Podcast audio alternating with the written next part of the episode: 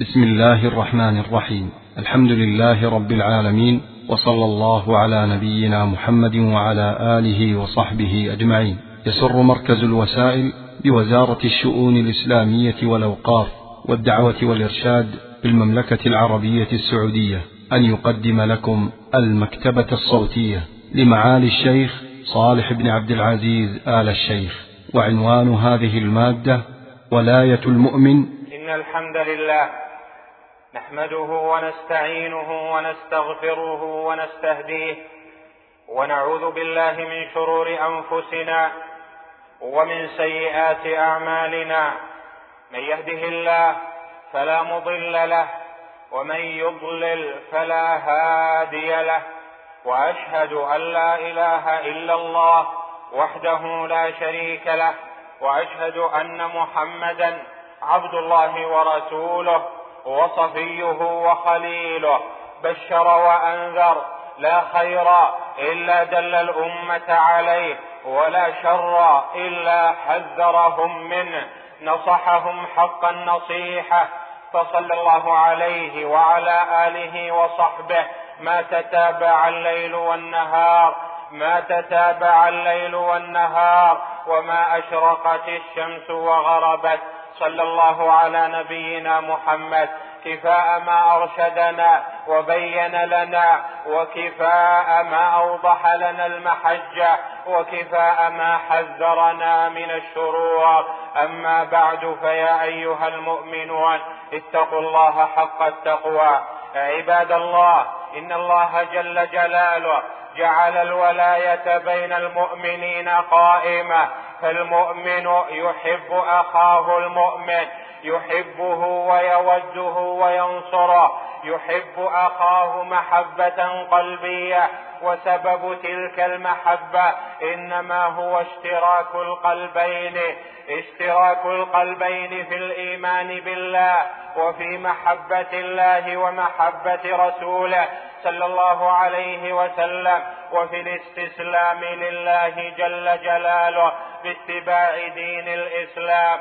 فالمؤمنون بعضهم لبعض أولياء المؤمن ولي للمؤمن يحبه وينصره ويحمي عرضه ولا يرضى أن يهان أو يذل لا يرضى المؤمن أن يكون أخاه المؤمن اخاه المؤمن الآخر لا يرضى المؤمن أن يكون أخوه المؤمن الآخر مهينا ذليلا بين الناس بل إنما إذا وقع ذلك ينصره وذلك من مقتضى محبته له وولايته له. يقول الله جل وعلا والمؤمنون والمؤمنات بعضهم أولياء بعض فأثبت الولاية بين المؤمنين ومحبة المؤمن للمؤمن. ومن ثمرات تلك الولاية وتلك المحبة أن يحمي المؤمن عرض أخيه المؤمن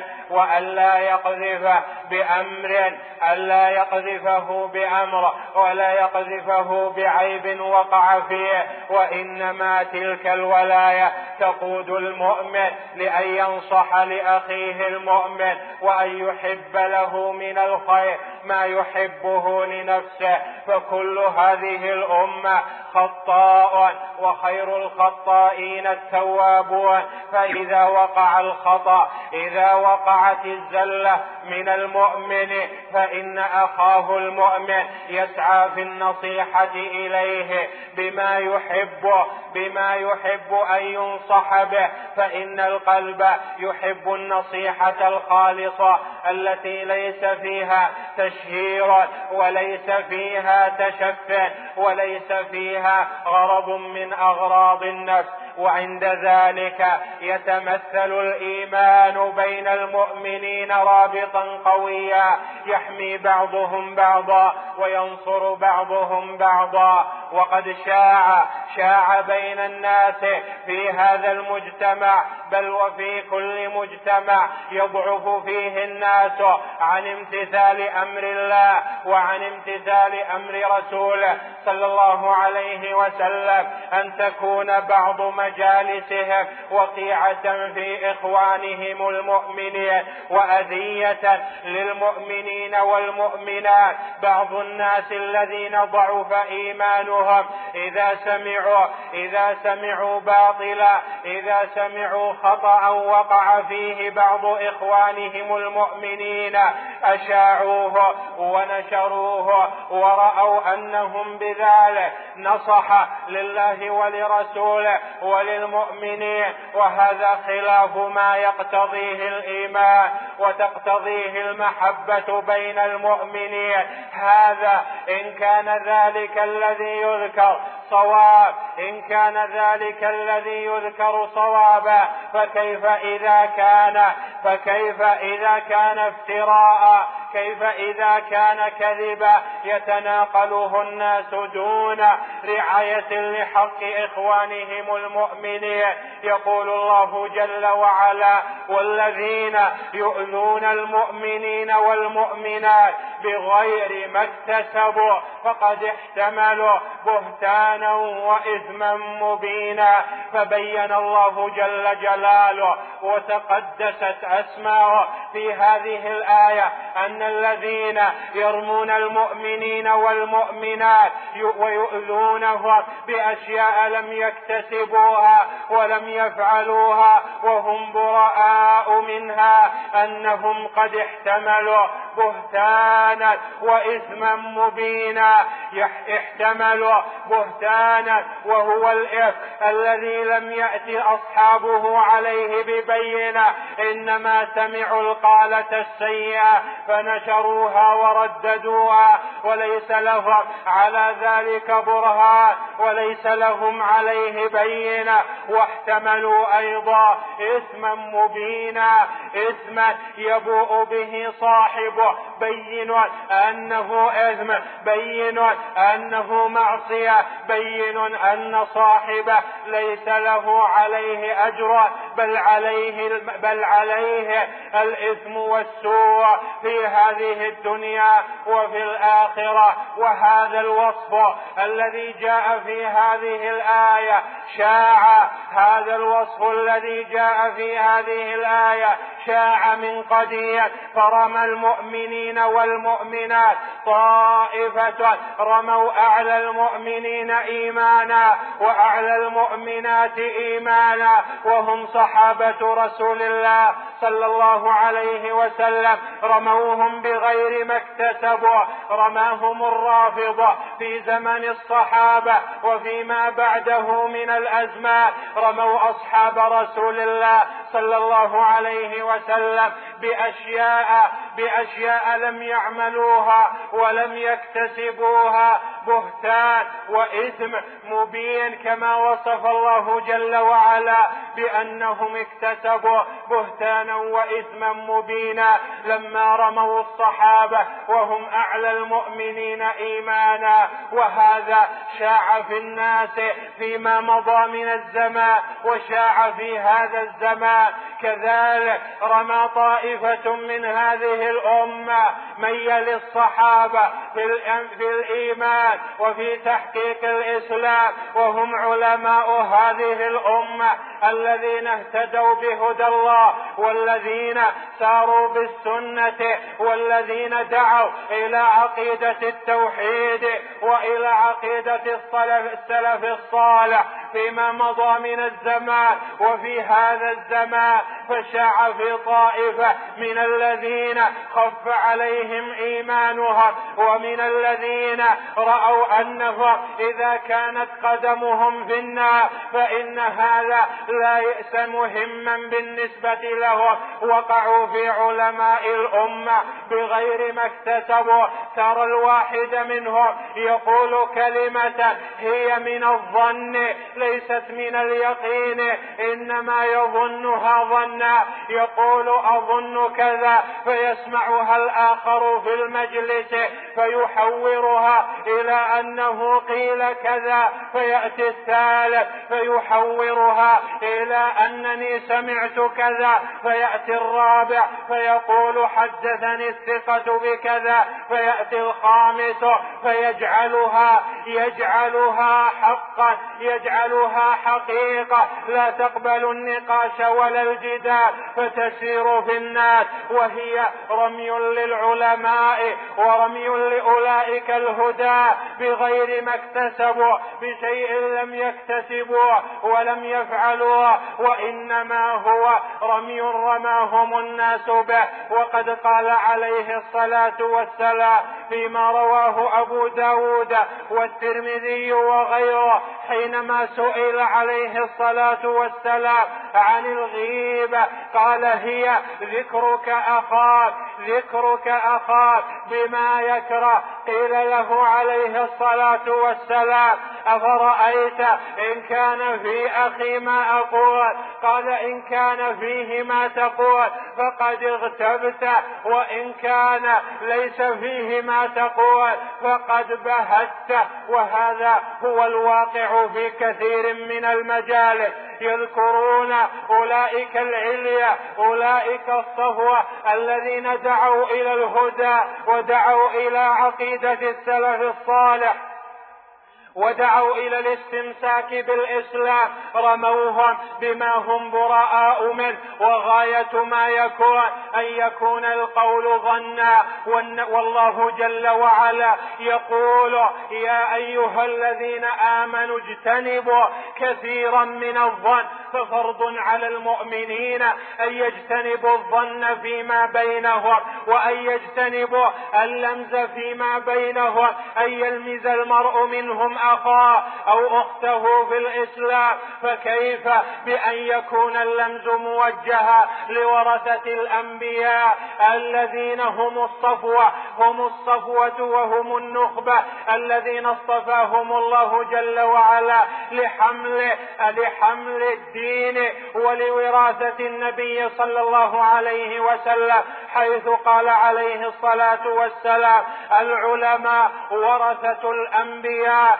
نعم إن هذا الأمر واقع وواجب على المؤمنين أن تكون مجالسهم مبرأة من البهتان مبرأة مما يكسبهم يكسبهم الإثم المبين والذنب العظيم بالوقيعة وباللمز لهداة الأمة من علمائها الذين هم صفوتها وهذا شاع وكأن الناس كأن الناس في هذا الزمان لا يهمهم أن تكون أقدامهم واردة على النار صالية بعض العذاب والعياذ بالله فواجب على أهل الإيمان واجب أن يكون بينهم التناصر وأن يكون بينهم المودة التي من آثارها أن يحموا عرض بعضهم بعضا وأعلى العرض حق أن يحمى هو عرض علماء هذه الأمة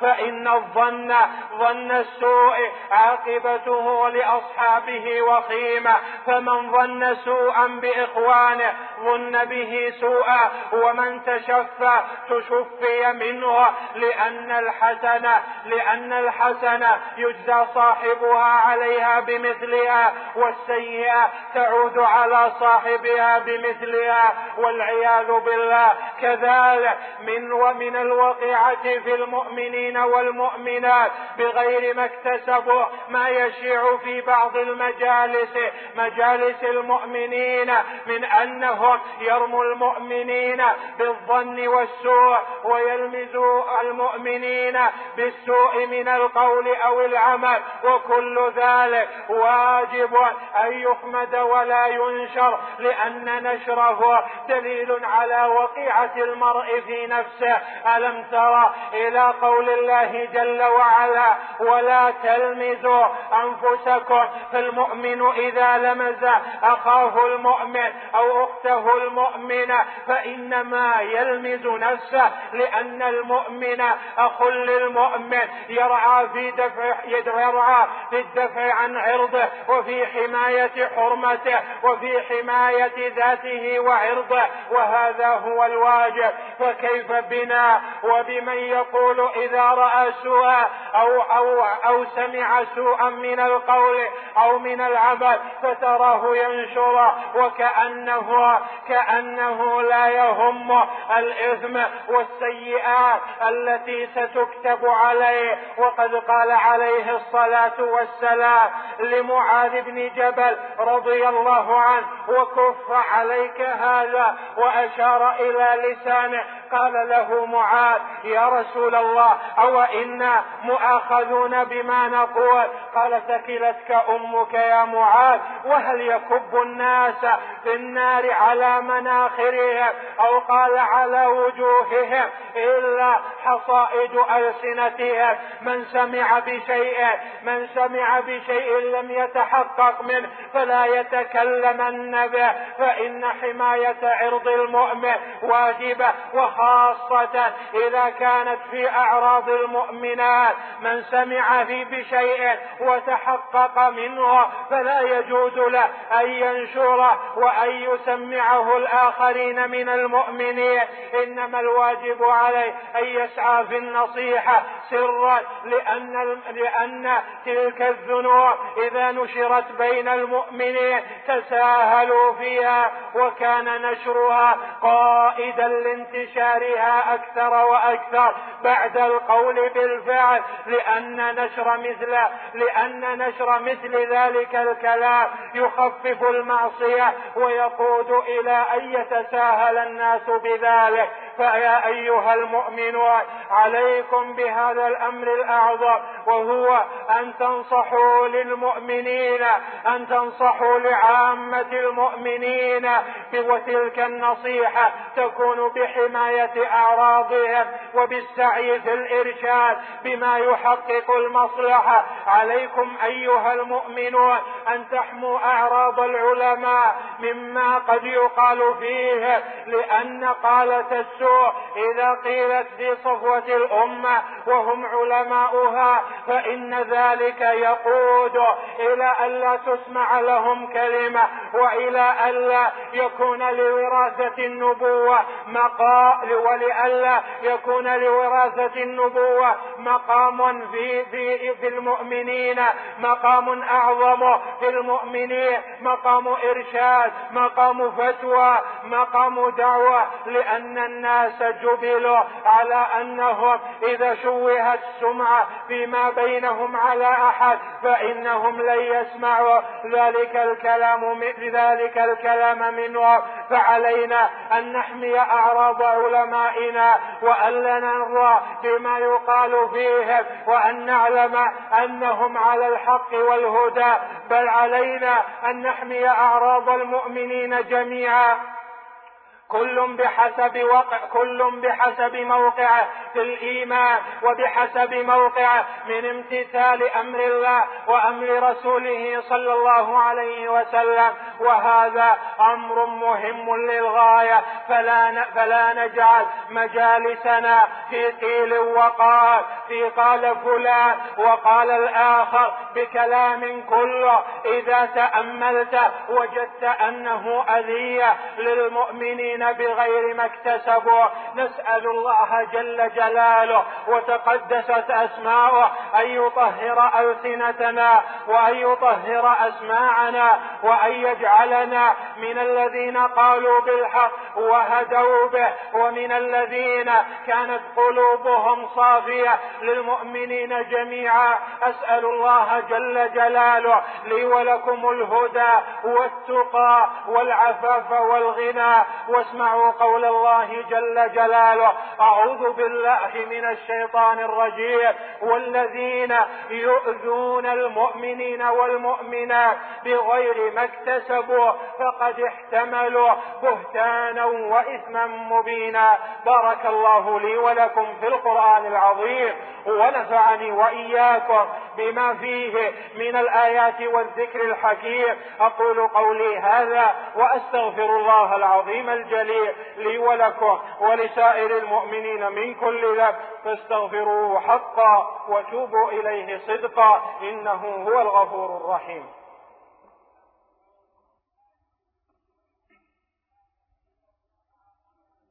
الحمد لله حق حمده والشكر له جل وعلا على إنعامه وفضله وأشهد أن لا إله إلا الله وحده لا شريك له وأشهد أن محمدا عبد الله ورسوله وصفيه وخليله بشر وأنذر وبين لنا الخير وبين لنا طرق الشر فهنيئا لمن آخذ بالخير وبطريقه وابتعد عن الشر وعن طرقه. أسأل الله جل وعلا أن يجعلنا وإياكم من أهل الخير المبتعدين عن الشرور صلى الله على نبينا محمد وعلى آله وصحبه ومن اهتدى بهداهم إلى يوم الدين.